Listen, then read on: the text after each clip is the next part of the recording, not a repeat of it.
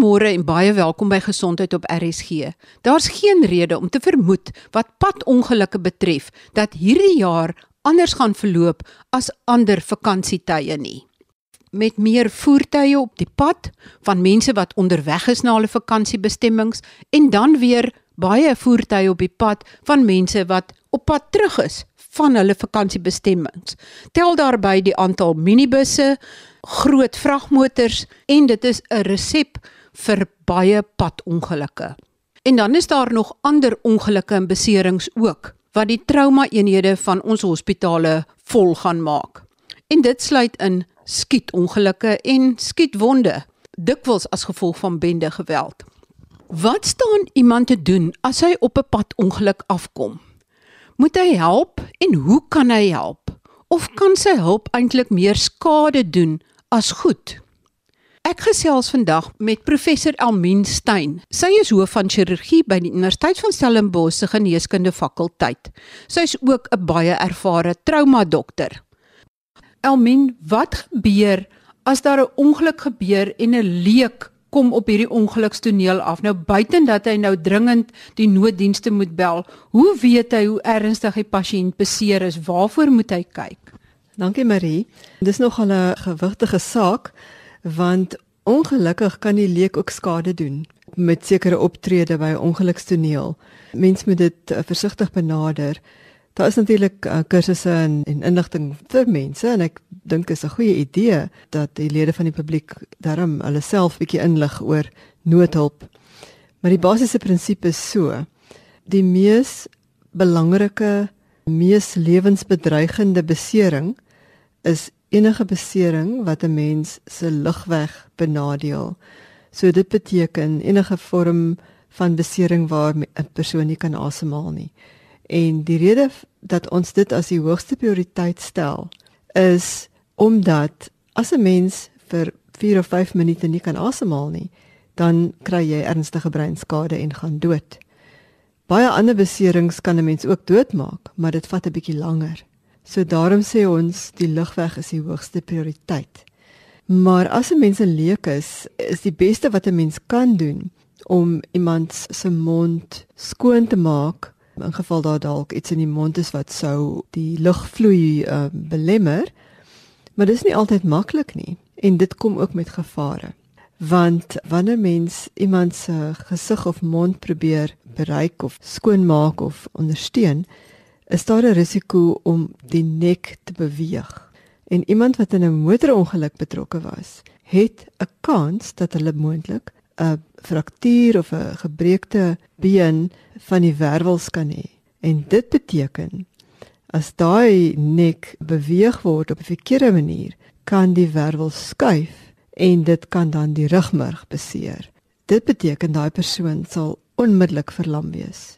Derhalwe kom dit daarop neer dat die persoon wat uit die goedheid van sy hart kom help om iemand te help wat nie kan asemhaal nie of iemand byvoorbeeld uh, beweeg uit 'n motor uit of uit 'n posisie uit kan terselfdertyd baie skade doen. En daai is ernstige skade want ons praat dan van 'n permanente verlamming kwadriplegie en dis hoekom dit so belangrik is om kennis en insig te hê in hierdie saak en nie noodwendig net te wil help en dan moontlik nog meer skade te aanrig nie Met ander woorde, al wil jy help en jy het nie genoeg kennis nie, as jy nie 'n paramedisy is of 'n noodhulpkursus gedoen het nie, is dit eintlik beter om die pasiënt te los en eintlik net die nooddienste te bel.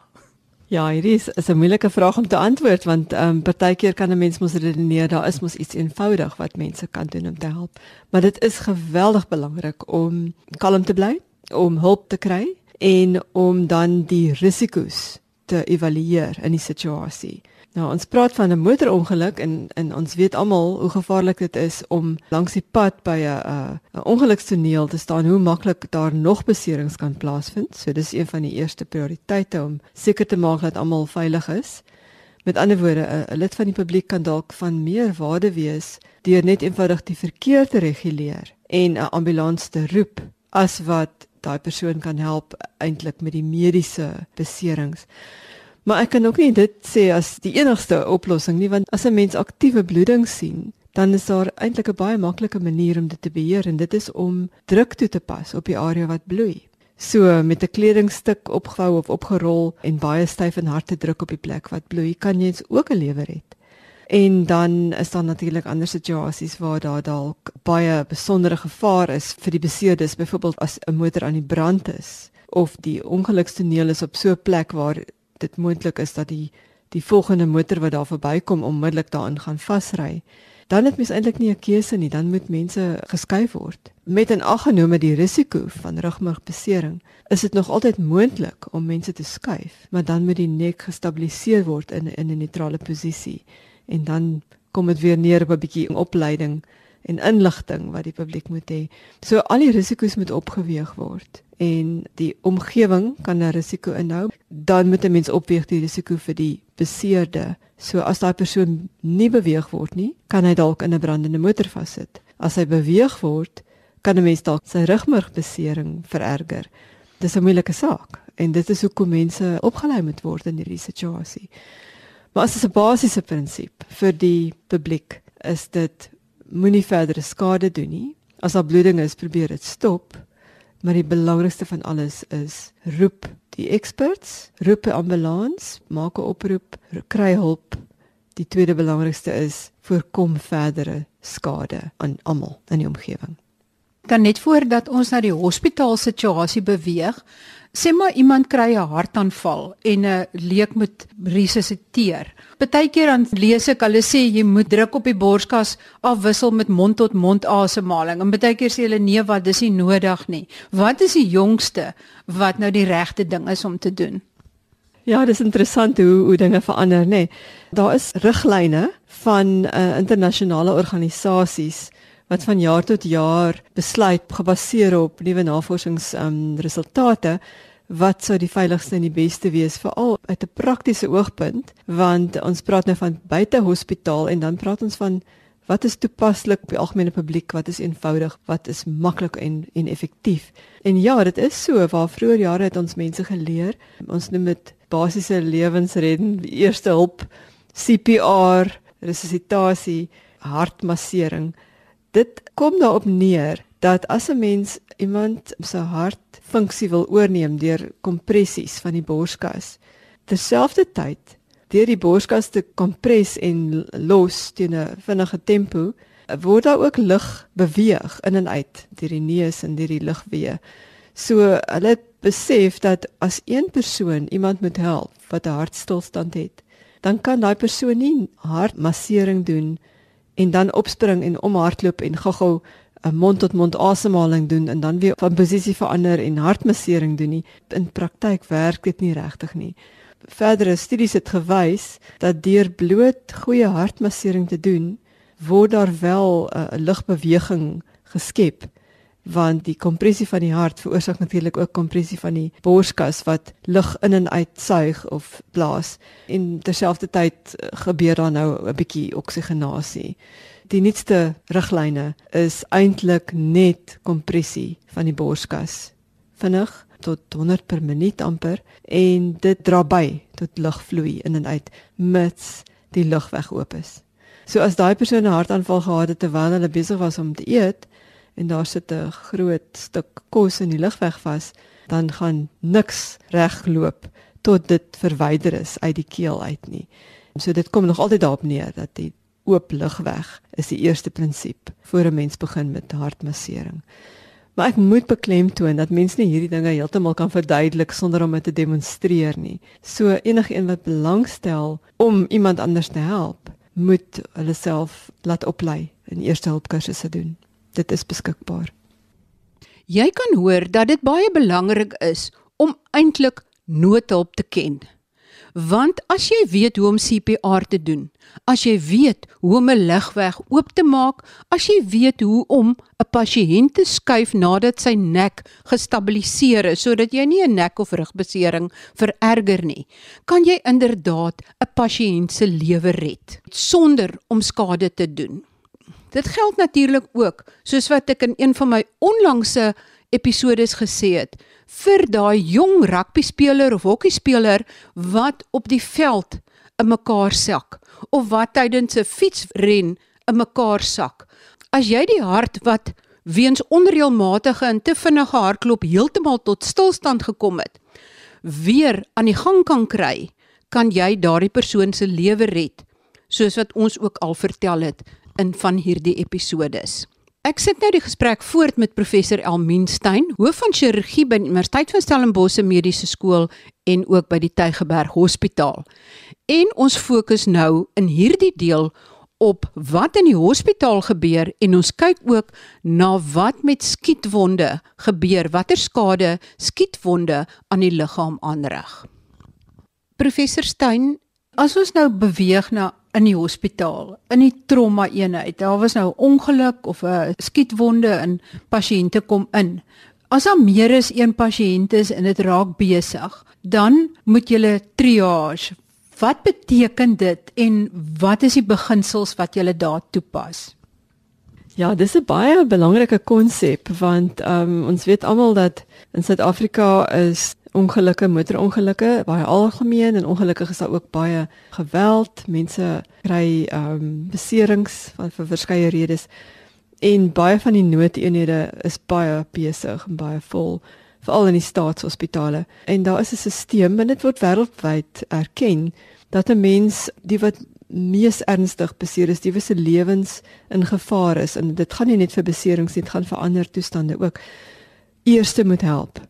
Nou dit is eintlik 'n baie goeie ding dat ons hieroor praat want dit is iets wat die lede van die publiek nie altyd besef nie. As hulle by 'n noodeenheid kom en hulle moet wag, dan raak hulle baie ongelukkig as iemand anders voor hulle ingeneem word of voor hulle gesien word. En die prinsip is is baie eenvoudig. Dit berus daarop weer eens wie is onder die grootste risiko van onmiddellike sterfte. Dis hoekom ons die triage stelsel ontwikkel word. En dit kom daarop neer dat pasiënte word vinnig evalueer deur 'n selfse verpleegkundige kan dit doen en dan word hulle 'n sekere graad van prioriteit toegeken en dit is dan rooi, geel en groen prioriteite word toegeken en as dit in 'n um, 'n rampsituasie is ons praat nou van 'n aardbewing of 'n ontploffing of 'n groot uh, massiewe um, treinongeluk tipe situasie, dan is daar selfs die wat as blou geklassifiseer word. Dit beteken hulle is dood of hulle is nie meer redbaar nie. Nou ja, gewoonlik is dit rooi, eh, geel of groen is.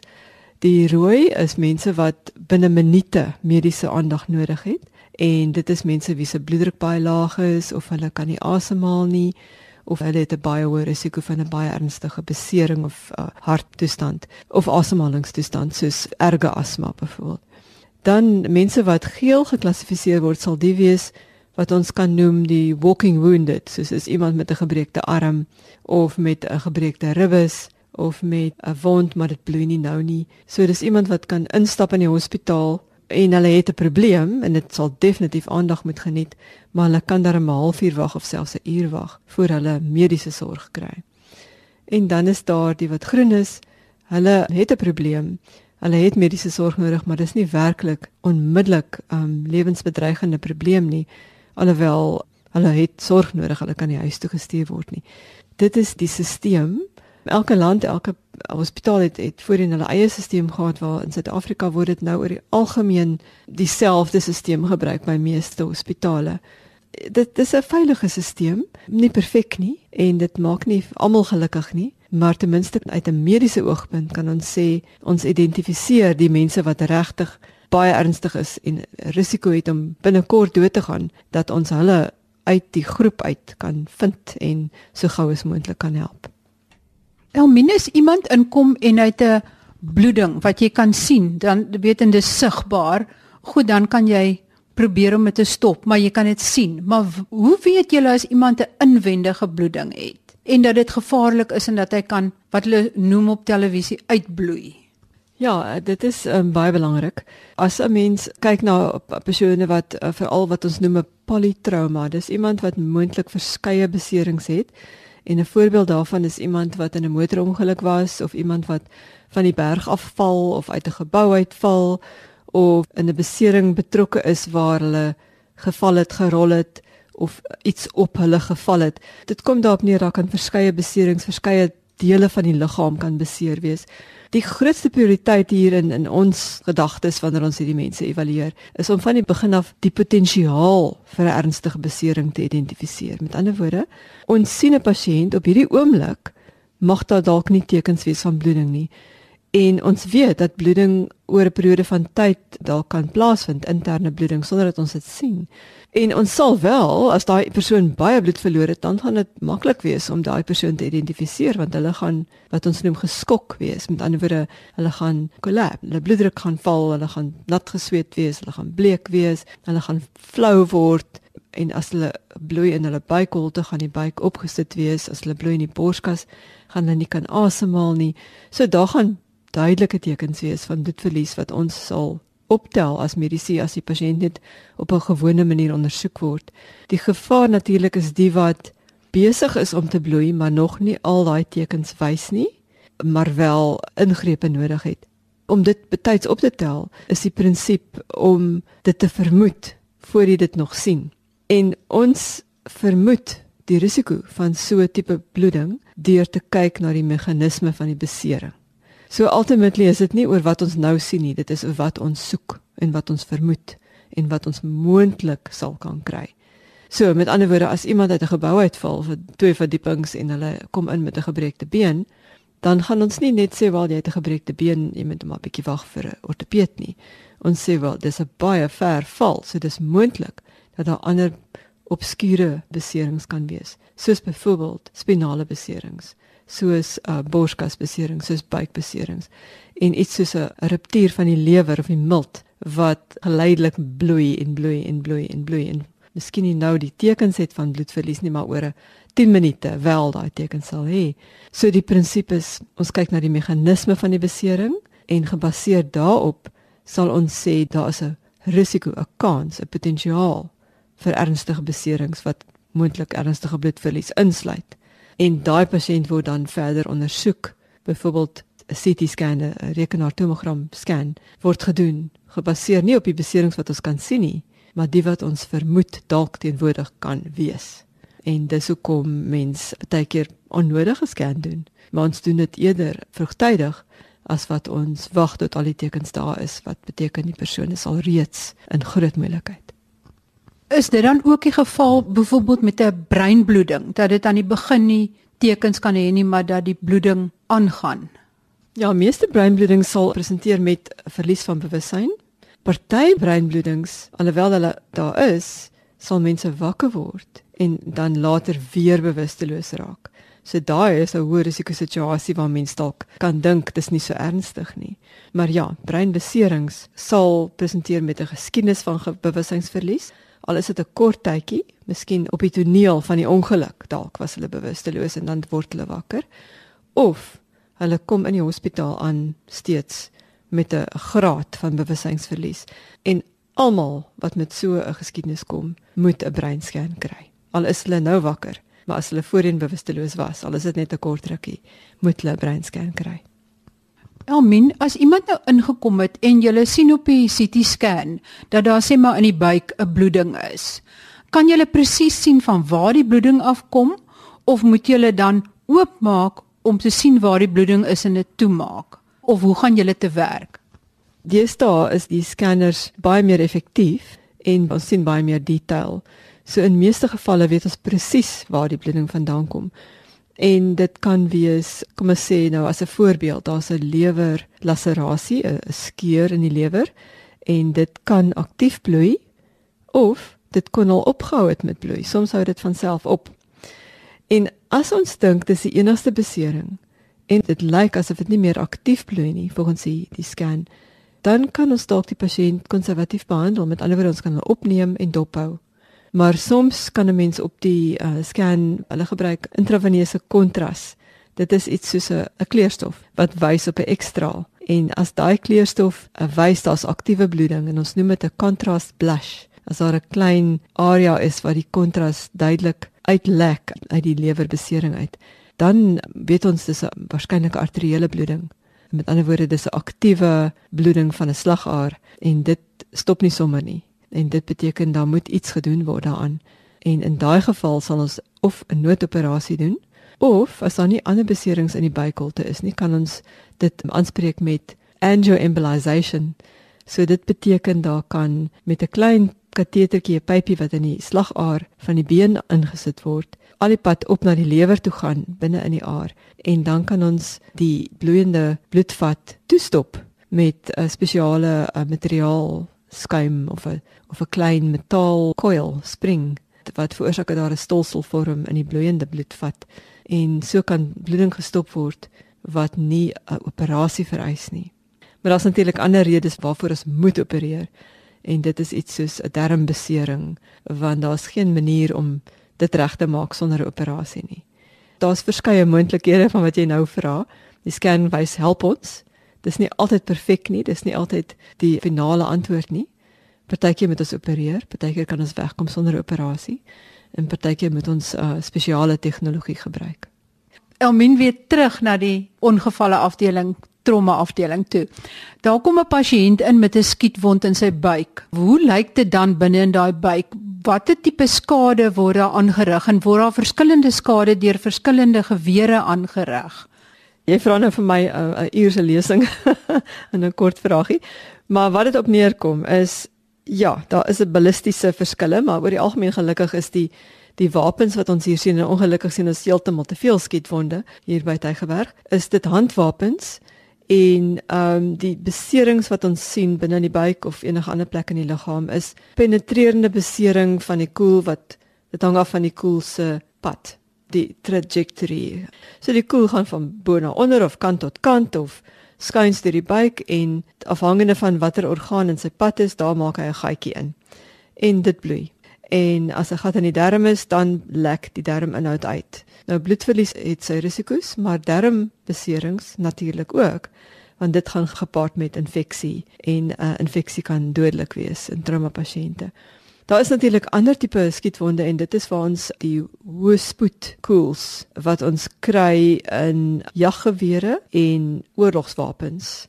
So daar is die spoed van die missiel van die koel baie hoër as in die gewone handwapens wat ons in ons gewone dag tot dag skietwonde in ons ongesonde omgewing sien.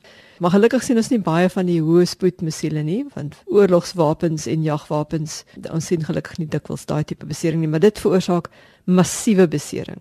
So daar is die koelgaatjie nie net die grootte van 'n koel nie. Die wond is maklik 100 keer so groot as wat 'n koel is of meer en daar selfs onsigbare skade rondom dit. So daar's letterlike holte wat gevorm word waar die pad van die koel is.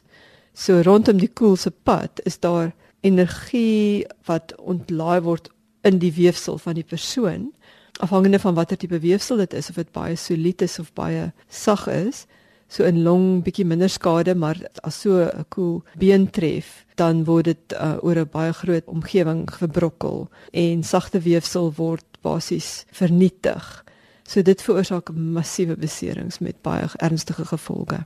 So ja, die verskillende wapens veroorsaak verskillende beserings, maar die algemeenste tipe beserings is gelukkig laaspoed missiele, laaspoed uh, koels en dit oor die algemeen veroorsaak presies wat 'n mens dink dit sou. So jy het 'n koel van 'n sentimeter groot in deursnit en hy veroorsaak in sy ingangswond 'n sentimeter gaatjie en dan veroorsaak dit verskeie kleinerige wonde deur die weefsel waardeur hy trek.